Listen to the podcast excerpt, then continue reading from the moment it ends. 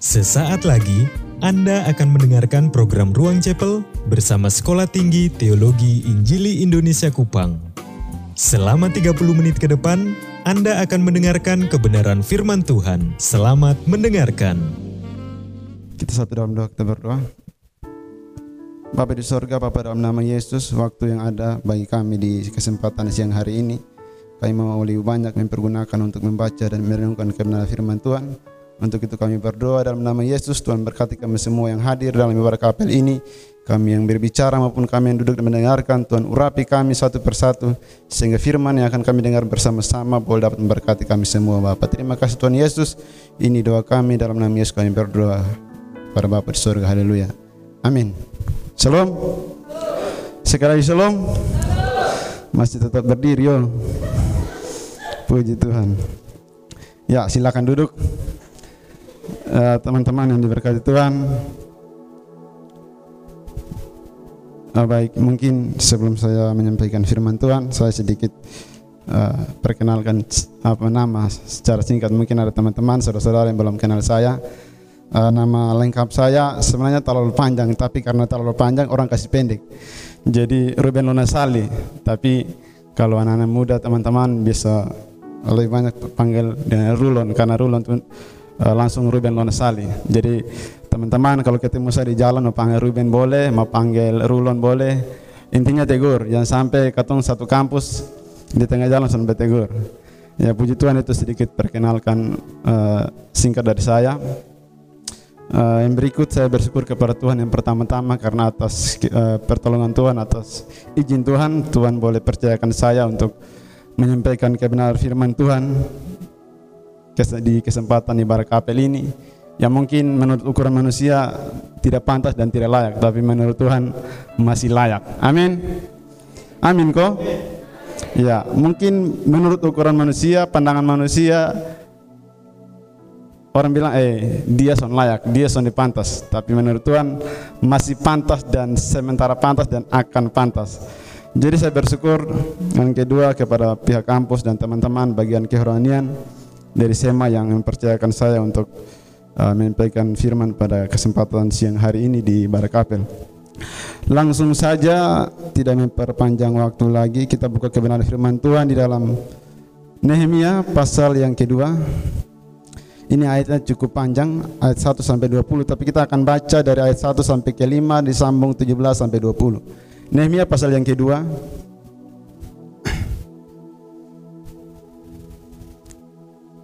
Ya, Nehemia pasal yang kedua, ayat 1 sampai ayat yang kelima dan disambung dari ayat 17 hingga ayat yang ke-20.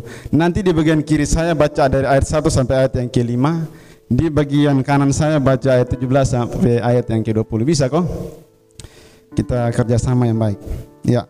Kalau sudah dapat dalam hitungan 1 sampai 3 di bagian kiri saya akan baca dari ayat 1 sampai ayat yang kelima setelah saya baca dari penjudul. Amin kok? Nehemia pasal 2 ayat 1 sampai 5 dengan perikop Nehemia diutus ke Yerusalem. Baik, terima kasih atas kerjasama teman-teman semua dan saya. Tuhan berkati. Sekali lagi salam. Baik, saudara-saudara yang diberkati Tuhan, pada kesempatan siang hari ini dari konteks bacaan kita Nehemia pasal 2, kita akan belajar bersama-sama dengan tema yang saya berikan, jadi berkat dalam pelayanan. Ya, jadi berkat dalam pelayanan atau jadi berkat dalam pelayanan di mana saja kita berada. Terkhususnya mungkin di setiap pos pelayanan kita, teman-teman saudara-saudara yang mungkin sudah dapat uh, tempat pelayanan, yang masih mencari pelayanan, yang mungkin masih apa sharing apa saring-saring pelayanan. Kita mau belajar bersama-sama dari uh, Nehemia ini untuk menjadi berkat dalam pelayanan. Ya, kalau kita lihat kisah Nehemia, saya percaya teman-teman semua sudah tahu kisah Nehemia ini. Nehemia pada waktu itu ada di posisi yang enak. Ya, ada di posisi yang sangat enak. Dan kalau misalnya saya dan saudara yang ada dalam posisi Nehemia, kalau kita mau keluar dari zona itu, saya pikir kita masih pikir panjang. Karena ini di istana raja. Kalau kita sekarang di Indonesia mungkin di presiden atau mungkin di provinsi, mungkin di gubernur atau di kota mungkin di kantor wali kota. Kalau kita mau keluar dari kantor wali kota, kita mau keluar dari kantor gubernur dan istana presiden, terus kita mau kembali melihat kampung halaman kita, tempat pelayanan kita. Kalau saya dan saudara yang ada pada siang hari ini, kalau kita yang ada di posisi Nehemia, Saya belum percaya 100% kita ambil keputusan sama seperti Nehemia. Tapi ini luar biasa teman-teman, saudara-saudara yang berkati Tuhan. Satu keputusan yang Nehemia ambil, yang dia ada di tempat yang paling aman, dia ada di posisi yang paling aman, orang terpercaya di istana waktu itu. Tapi ketika dia mendengar hal-hal yang ada sedikit mengacaukan pikiran dia di kampung halaman di Yerusalem, dia bukan eh persetan di situ. Ke orang Yerusalem bukan beta sendiri. Arah masih banyak orang lagi. Masih banyak nabi lagi. Masih banyak hamba-hamba Tuhan lagi. Masih banyak anak-anak Tuhan lagi. Nehemia tidak begitu. Saudara-saudara yang berkati Tuhan. Satu keputusan yang Nehemia buat itu berdampak bagi banyak orang. Yang menjadi pertanyaan bagi kita semua di siang hari ini. Apakah kita pernah ambil satu keputusan dan keputusan itu bukan berdampak bagi diri kita sendiri, tapi berdampak bagi tempat pelayanan kita, berdampak bagi keluarga kita, dan berdampak bagi orang lain yang kenal kita. Atau kita pernah seperti itu atau belum? Kalau kita pernah seperti itu, tingkatkan dan lanjutkan. Tapi kalau belum dan masih kita belajar, mari kita belajar siang hari ini dari seorang tokoh yang luar biasa, Nehemia. Ada berapa hal yang saya rindu kita belajar bersama-sama dari kisah Nehemia ini. Ini sesuatu yang saya paling senang renungkan kisah Nehemia dengan Ezra. Karena dua tokoh ini menjadi salah satu tokoh dalam perjanjian lama selain Daud yang memang saya belajar dari pengalaman hidup dan pengalaman hidup maupun dalam pelayanan uh, pengalaman pelayanan mereka sangat luar biasa. Ya, kita lihat hal yang pertama pertama-tama yang Nehemia dengar ketika tembok Yerusalem sudah rubuh, sudah runtuh dan lain sebagainya, tidak ada orang lagi yang punya hati untuk kembali lihat Yerusalem. Padahal kalau kita melihat waktu itu nabi dari Yerusalem atau yang ada di Yerusalem bukan Nehemia sendiri. Masih banyak orang yang lebih luar biasa. Masih banyak orang yang dianggap nabi dan hebat waktu itu. Tapi kenapa Nehemia? Berarti kita belajar dari uh, satu pribadi Nehemia bahwa keputusan itu tidak bisa diambil, keputusan yang kita ambil untuk melayani Tuhan, untuk ada dalam pelayanan Tuhan, tidak segampang dan tidak semua orang mengambil keputusan yang sama dengan kita. Kalau saya dan saudara hari ini tinggalkan segala kesibukan kita, tinggalkan segala pekerjaan kita. Mungkin ada teman-teman saudara-saudara yang kuliah saat ini tapi masih bekerja, tapi mungkin korbankan waktu pekerjaan dan masuk kuliah dan lain sebagainya waktu pelayanan. Itu sesuatu yang luar biasa. Tidak semua orang begitu, teman-teman. Maka kalau kita seperti itu, seharusnya kita bangga Iya teman-teman, kalau kita ada dalam posisi itu seharusnya kita harus bangga. Bangga bukan karena bangga kita pun diri sendiri, bangga karena punya Tuhan yang luar biasa. Dan harus percaya itu karena Tuhan. Ya kalau anak Tuhan, hamba Tuhan, segala sesuatu yang terjadi ada hidup kita. Yang pertama-tama memang ada pengakuan dari diri kita sendiri. Tapi yang pertama-tama harus Tuhan. Jangan bilang saya, jangan bilang beta. Apalagi bilang aku. Ya, jadi pertama-tama yang harus kita katakan semua karena Tuhan. Hal yang pertama yang kita mau belajar dari Nehemia ini adalah berdoa bagi pelayanan. Satu pertanyaan lagi. Ini teman-teman saudara-saudara jadi jangan pikir firman Tuhan yang akan saya omong sampai habis ini bukan saya omong untuk karena uh, saudara-saudara sendiri. Ketika saya siap firman Tuhan ini sebenarnya pukulan keras untuk diri saya sendiri mau berdampak dan berapa hal yang akan saya sampaikan ini, semua Tuhan tegur saya. Tapi memang anak Tuhan harus begitu. Ya untuk kita mendapat sesuatu yang manis, sesuatu yang enak, bukan mau gampang-gampang saja. Kita berani ditegur, kita berani di depan banyak orang, kita berani harus berani terima teguran dari orang kalau memang itu salah. Harus berani. Dan puji Tuhan, hal yang pertama yang kita belajar adalah berdoa bagi pelayanan. Ya teman-teman, saudara-saudara yang berkat Tuhan Hal yang kita belajar pertama dari Nehemia ini adalah Berdoa bagi pelayanan Waktu itu Nehemia ada di istana raja Dengar bilang, weh Kalau kita lihat di pasal 1 Ayat pasal 1 ayat 4 sampai ayat uh, ayat 1 sampai ayat yang ke-11 di situ ada keterangan. Ketika Nehemia dengar berita dari saudara-saudara dari anak-anak Tuhan yang di Yerusalem. Orang bilang, "Eh, Mia eh, Katong di Yerusalem ini berat. Tembok dong suruh habis. Orang suruh hantam katong. Nehemia ketika dengar itu Nehemia bilang persetan yang bosan-bosan mati na mati mah hidup na hidup sonde. Bukan ke anak kupang kau dengar begitu kau bilang mati na mati mah pica na pica. Sonde Nehemia son begitu. Nehemia punya hati untuk Yerusalem teman-teman saudara-saudara yang berkati Tuhan. Ya, hal yang pertama yang kita mau belajar adalah berdoa bagi Yerusalem. Nah, kadang-kadang doa ini juga ya saya bukan mau bahas doa tapi karena ini uh, singgung sedikit tentang doa. Kadang-kadang kita doa ini kalau misalnya ada masalah dalam pelayanan kita, misalnya ada masalah dalam perkuliahan kita, kita hanya mau berdoa supaya Tuhan selesaikan beta masalah. Tuhan tolong supaya beta dapat masalah. Sementara katong lebih sedikit mengintrospeksi katong diri. Betul kok benar? Betul kok benar? Kalau misalnya ada pelayanan di sini, Bapak sudah keluarga, Bapak minta maaf. Bapak sudah keluarga kok? Oh sudah. Mungkin Bapak sendiri sudah berkeluarga, mungkin saya dan teman-teman rata-rata belum. Saya juga belum. Jangan sampai ada masalah dalam keluarga, Bapak minta maaf Bapak ada masalah dalam keluarga, ada masalah dalam uh, perkuliahan, ada masalah dalam pelayanan, ada masalah dengan teman. Kita salahkan teman, salahkan dosen, salahkan istri, salahkan suami dan lain sebagainya. Sonde tahu introspeksi diri, sonde tahu koreksi diri. Ah, ini bermasalah. Ya, kita lihat di ayat yang pertama, ayat yang keempat sampai ayat yang ketujuh. Di situ ada dua jenis doa yang Nehemia sampaikan kepada Tuhan yang berkaitan dengan tembok Yerusalem yang rubuh ini. Yang pertama yang Nehemia lakukan adalah doa pengampunan. Nah ini pelajaran penting bagi kita. Jadi kalau misalnya dalam pelayanan ada masalah, dalam kuliah ada masalah, introspeksi diri duluan.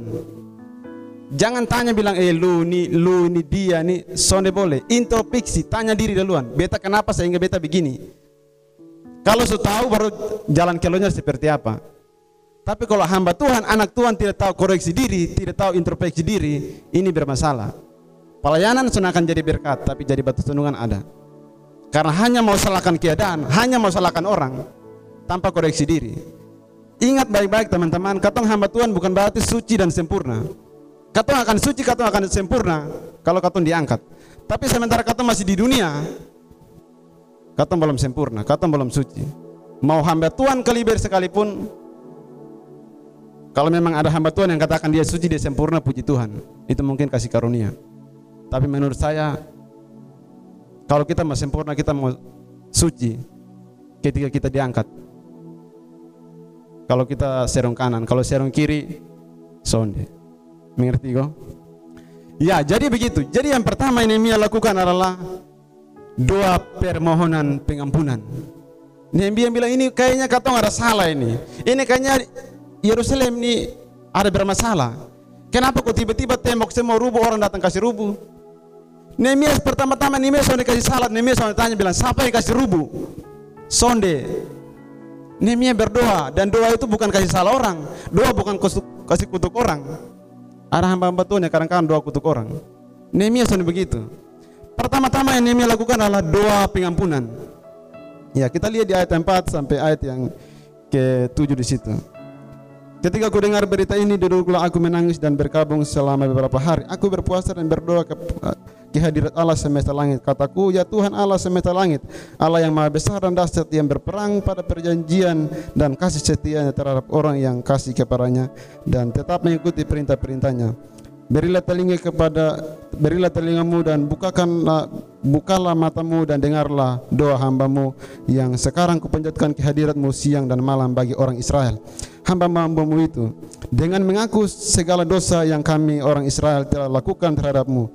Juga aku dan kaum keluargaku telah berbuat dosa. Jadi sebenarnya ini pengakuan dari Nehemia yang luar biasa. Nehemia bukan berdoa atas nama keluarga bangsa Israel, bukan berdoa atas nama orang Yerusalem saja.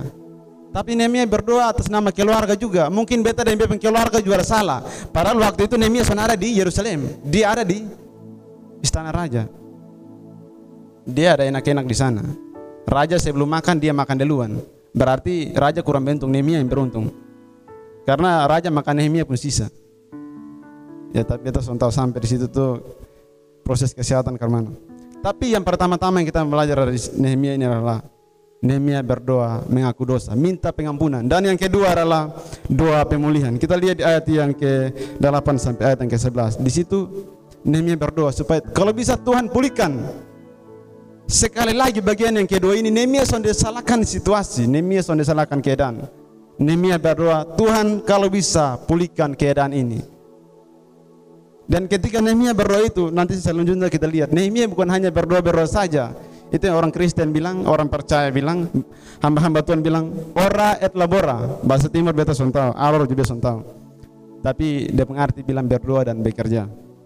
Ora et labora, berdoa dan bekerja. Jadi Nehemia bukan berdoa-berdoa saja, mengaku dosa, berdoa untuk pemulihan saja terus. Kata bilang, eh berdoa aja biar bab di atas yang turun tangan. Bukan begitu. Langkah selanjutnya ada pekerjaan luar biasa yang Nehemia lakukan. Jadi pertama-tama yang kita belajar dari kisah Nehemia ini adalah berdoa bagi pelayanan kita. Introspeksi diri itu penting, doa pengampunan itu penting, jangan salahkan keadaan. Dan juga doa supaya Tuhan yang pulihkan. Jangan kata memaksa kata berkehendak supaya kata yang pulihkan, kata keadaan. Apalagi kata berdoa kasih orang sakit, kata berusaha supaya kata mau sembuh. Oh itu berarti pakai leo-leo. Kalau dari sabu tahu pakai apa? Dari alor bilang pakai uh, bukan suangi, suangi itu terlalu kasar. Yang kedua teman-teman yang diberkati Tuhan, kita belajar dari Mia supaya memiliki rasa cinta atau punya rasa cinta. Ya ini karena waktu kita cepat. Yang kedua yang kita mau belajar dari Nehemia adalah belajar memiliki rasa cinta atau punya cinta dalam pelayanan. Ya, teman-teman, saudara-saudara, Katong hanya bilang bisa beta mengasihi Tuhan terus katong uh, terlibat dalam pelayanan terus katong sudah punya cinta dalam pelayanan. Ini bermasalah teman-teman. Beta masih ingat waktu beta uh, puji Tuhan Tuhan kasih beta talenta untuk bermain musik. Beta satu pelayanan dengan pakai tua sema di Sikumana. Saya bermain musik dari SMP dan waktu itu ada satu kakak rohani saya kasih tahu saya bilang begini dia pemusik juga dia bilang kalau lu mau bermain musik yang pertama-tama lu harus cinta musik. Karena mustahil lu mau mahir keyboard kalau lu sudah cinta keyboard. Betul teman-teman. Tapi sekarang pakai saya lebih lincah jadi mungkin dia lebih cinta musik.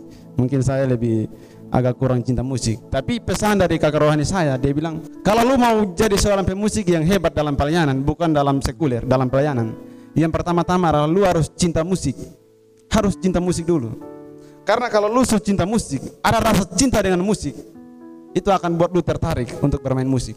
Sama juga dengan pelayanan kita. Kalau sudah ada rasa cinta dalam pelayanan, mau pekerjaan, mau apa lagi? Eh, ini hampir sama keluarga terus.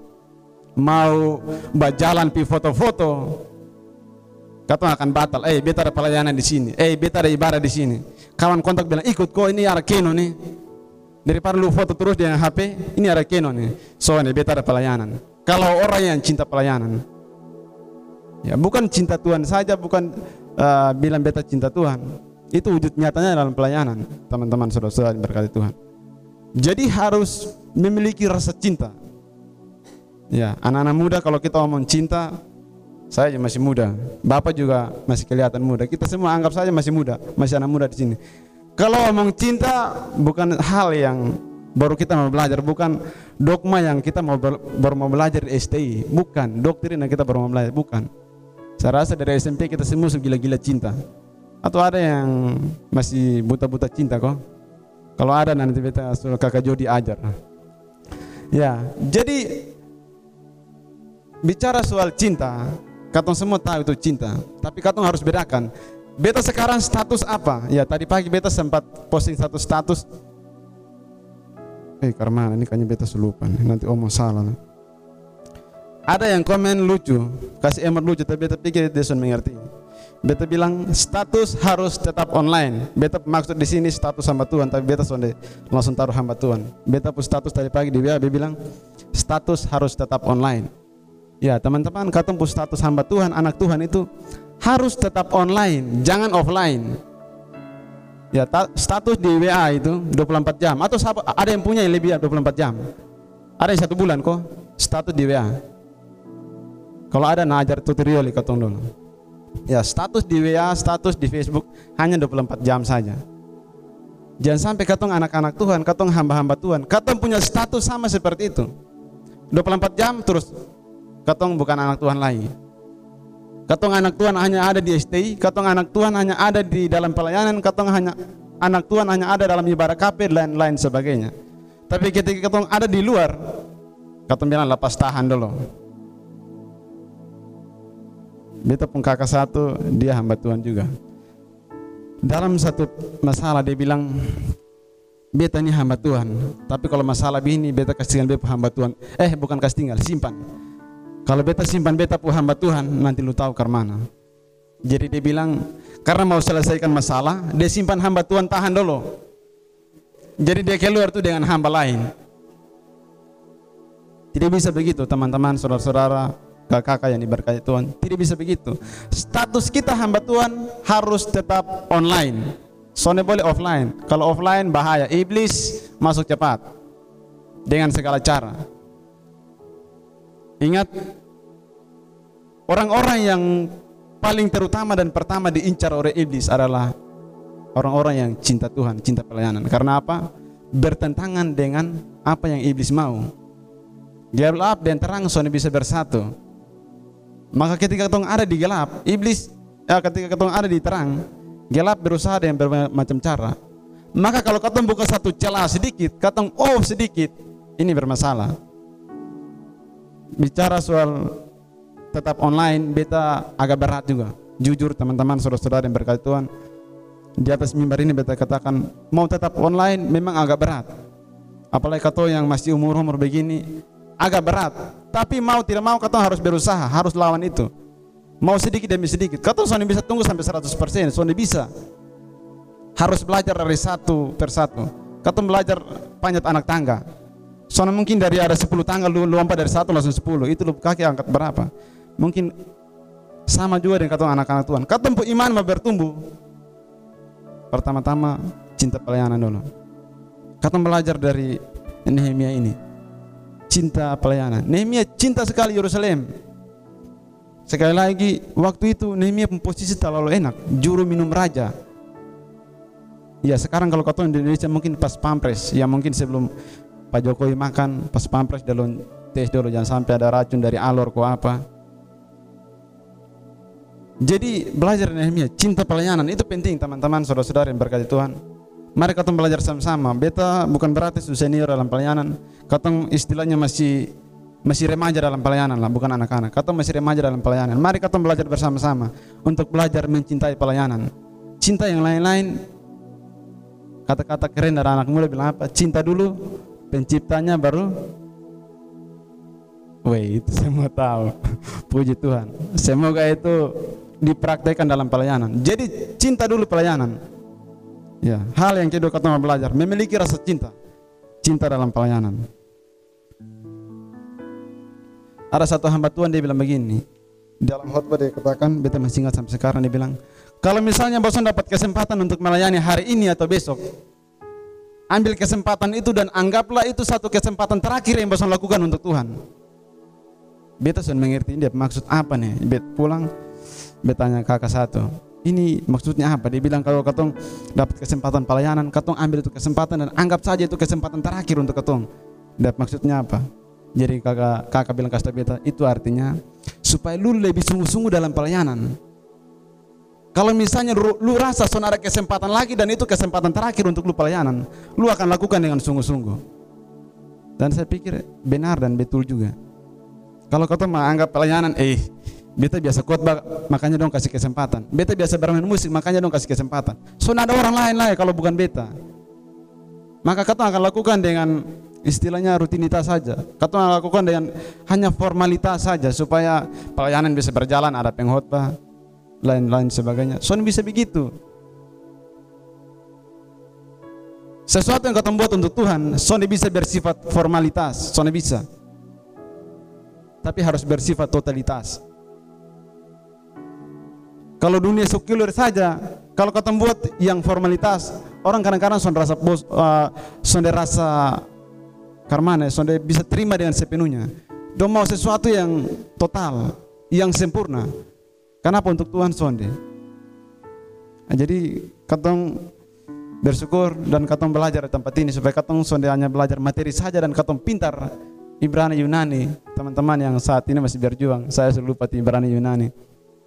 Katong sudah hanya pintar di Ibrani Yunani saja, di dogma dan doktrin segala macam. Artinya orang butuh katong praktek hidup. Bukan materi. Itu soal kedua. Kalau materi katong sekarang internet, mau butuh berkotong buka di Google bisa. Tapi untuk karakter, soalnya bisa. Saat ini orang butuh, baru kata mau belajar terlambat. Kata bukan jadi berkat, kata jadi batu sandungan. Kalau materi saat ini baru butuh, misalnya cari uh, dari jemaatnya pengertian etika Kristen itu apa? Apa yang dimaksud dengan etika Kristen? Kata cari cepat-cepat di Google, pergi belakang, beta bawa permisi pergi kamar dulu. Pergi belakang cari cepat-cepat datang hafal di otak, datang kasih tahu, selesai, masalah selesai. Tapi praktek hidup teman-teman. Jadi berkat atau tidak? Jadi dampak atau tidak? Jangan sampai batu sandungan. Ini bermasalah. Jadi yang kedua yang kita belajar supaya semua itu tidak terjadi dalam kehidupan dan kata mau jadi berkat bagi orang lain. Punya rasa cinta dalam pelayanan dengan Tuhan. Punya rasa cinta. Jangan sampai kata pelayanan sini sana MC sini khotbah sini musik sini singer sini dan sebagainya. Tapi kata hanya lakukan karena kata bisa. Tapi bukan kata bukan lakukan untuk Tuhan. Ini juga bermasalah. Mari kita belajar yang kedua, memiliki rasa cinta dalam pelayanan dengan Tuhan. Yang ketiga, hal yang ketiga, kita belajar dari Nehemia ini. Kita lihat di ayat yang ke-20, teman-teman saudara-saudara ini satu hal yang sangat menarik. Yang tadi saya katakan bagian pertama, Nehemia bukan berdoa saja, Nehemia bukan memohon supaya Tuhan kerjakan turun tangan saja. Tetapi bagian yang kedua ini, ada sesuatu yang nyata yang Nehemia kerjakan. Walaupun ada pertentangan, ada orang-orang yang tidak suka dan ingin menghancurkan, ingin menghalangi Nehemia supaya tembok itu jangan didirikan kembali. Atau pelayanan pekerjaan yang Nehemia mau rencanakan dan lakukan itu jangan dilakukan dan jangan berhasil. Ada upaya-upaya untuk mengagalkan. Saya tidak tahu dalam pelayanan uh, saudara kakak-kakak semua, teman-teman semua, apakah ada ada tantangan, ada masalah? Kalaupun ada tantangan, ada masalah, beta juga son tahu masalah seperti apa, tantangan seperti apa. Tapi yang pastinya ada, namanya pelayanan pasti ada masalah. Kalau kata melayani dengan enak-enak, ya bisa kasih karunia juga. Tapi sonde semua enak-enak. Tapi karena kata iman bertumbuh, pasti Tuhan kasih tantangan dalam pelayanan mungkin nyong kas tinggal ko nona kas tinggal itu juga tantangan itu juga masalah putus dia mentua putus dia nyong. Kata mau tetap cinta pelayanan kata mau tetap pelayanan atau sonde. Atau jangan sampai dia yang jadi kata penyemangat dan ketika putus kata sonde sonde semangat lagi dan Tuhan. Hal yang ketiga yang kata belajar adalah rendah hati agar Allah dimuliakan atau Tuhan dimuliakan. Ya ini susah sekali. Kata mau rendah hati dan Tuhan ditinggikan, Tuhan dimuliakan. Untuk saat-saat sekarang sangat-sangat susah. Ayat yang ke-19 dan ayat yang ke-20. Ketika Sanbalat orang Honor dan Tobia orang Amnon pelayanan itu, pelayan itu dan Gesem orang Arab mendengar itu mereka mengolok-olok mereka mengolok-olokkan dan menghina kami kata mereka apa yang kamu lakukan apa yang kami lakukan itu apa kamu mau berontak terhadap raja? Aku menjawab mereka, kataku, Allah semesta langit dialah yang membuat kami berhasil. Kami hamba-hambanya tetap telah siap untuk membangun, tetapi kamu tak punya bagian atau hak dan tidak akan diingat di Yerusalem. Ini ada olokan yang Nehemia dapat. Kalau kita baca di pasal-pasal uh, selanjutnya, itu ketika pembangunan tembok Yerusalem kembali sebenarnya bukan Nehemia sendiri. Ada orang-orang hebat yang waktu itu bersama-sama dengan Nehemia. Ada imam-imam, ada perempuan-perempuan dan ada keterangan lagi yang bilang orang non Israel juga ikut serta dalam pembangunan pembangunan kembali tembok Yerusalem. Bagian yang ketiga yang kita belajar dari Nehemia adalah rendah hati agar Allah dimuliakan. Ya. Ini pertanyaan lagi. Dalam pelayanan ketong dalam katong pelayanan kira-kira Allah yang dimuliakan atau Rulon yang dimuliakan atau siapa yang dimuliakan Kaulim yang dimuliakan atau ini persoalan baik katong kadang-kadang katong anak-anak muda yang umur-umur sama kita dan teman-teman Kata mau buat sesuatu supaya orang lihat katong itu keren. Kata mau buat sesuatu supaya orang lihat katong itu hebat di mata manusia. Tetapi katong lupa. Sebenarnya yang pertama-tama Allah dimuliakan, Tuhan dimuliakan, Tuhan ditinggikan. Sekarang katong pemulut omong lain, hati buat lain. Katong pemulut bilang cari muka dengan Tuhan, hati bilang cari hati, cari muka dengan manusia. Nah, ini bertentangan. Kalau kita lihat bagian ketiga ini, orang-orang yang menghalangi Yeremia dalam pembangunan, ya Nehemia dalam pembangunan. Ini Yeremia tidak datang, makanya nggak ada nama. Nehemia dalam pembangunan itu sebenarnya bukan orang-orang biasa. Sanbalat dengan Tobia ini sebenarnya Dorang pu arti nama kalau Sanbalat memberi kehidupan, kalau Tobia Allah itu baik. Nah ini sebenarnya nama-nama dari kata Ibrani ini yang diberikan kepada Sanbalat dan Tobia ini. Ini sama nama-nama yang memuliakan nama Tuhan.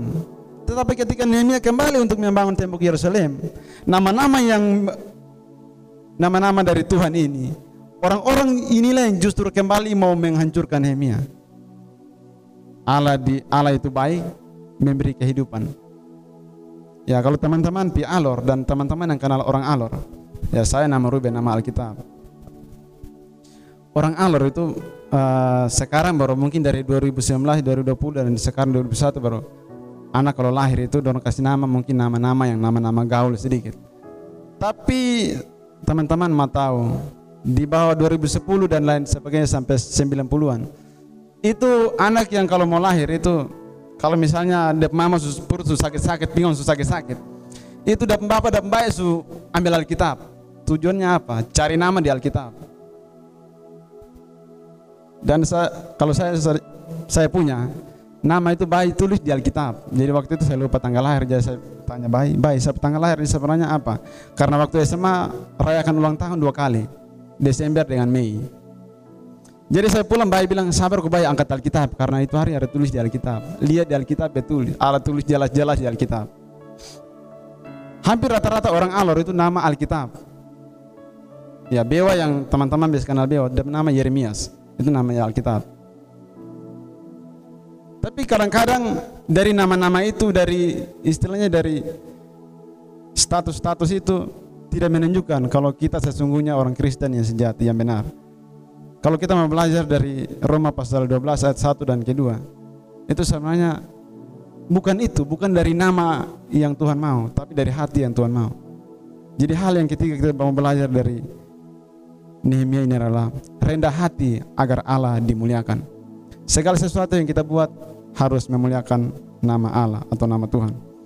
Jadi dari ketiga hal yang kita dengar bersama-sama, yang pertama adalah berdoa bagi pelayanan kita kalau teman-teman yang sudah punya uh, pelayanan tempat pelayanan, mari kita berdoa untuk pelayanan.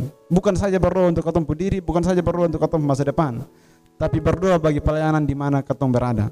Kalaupun kata masih cari-cari berdoa dengan sungguh-sungguh, pasti Tuhan sediakan.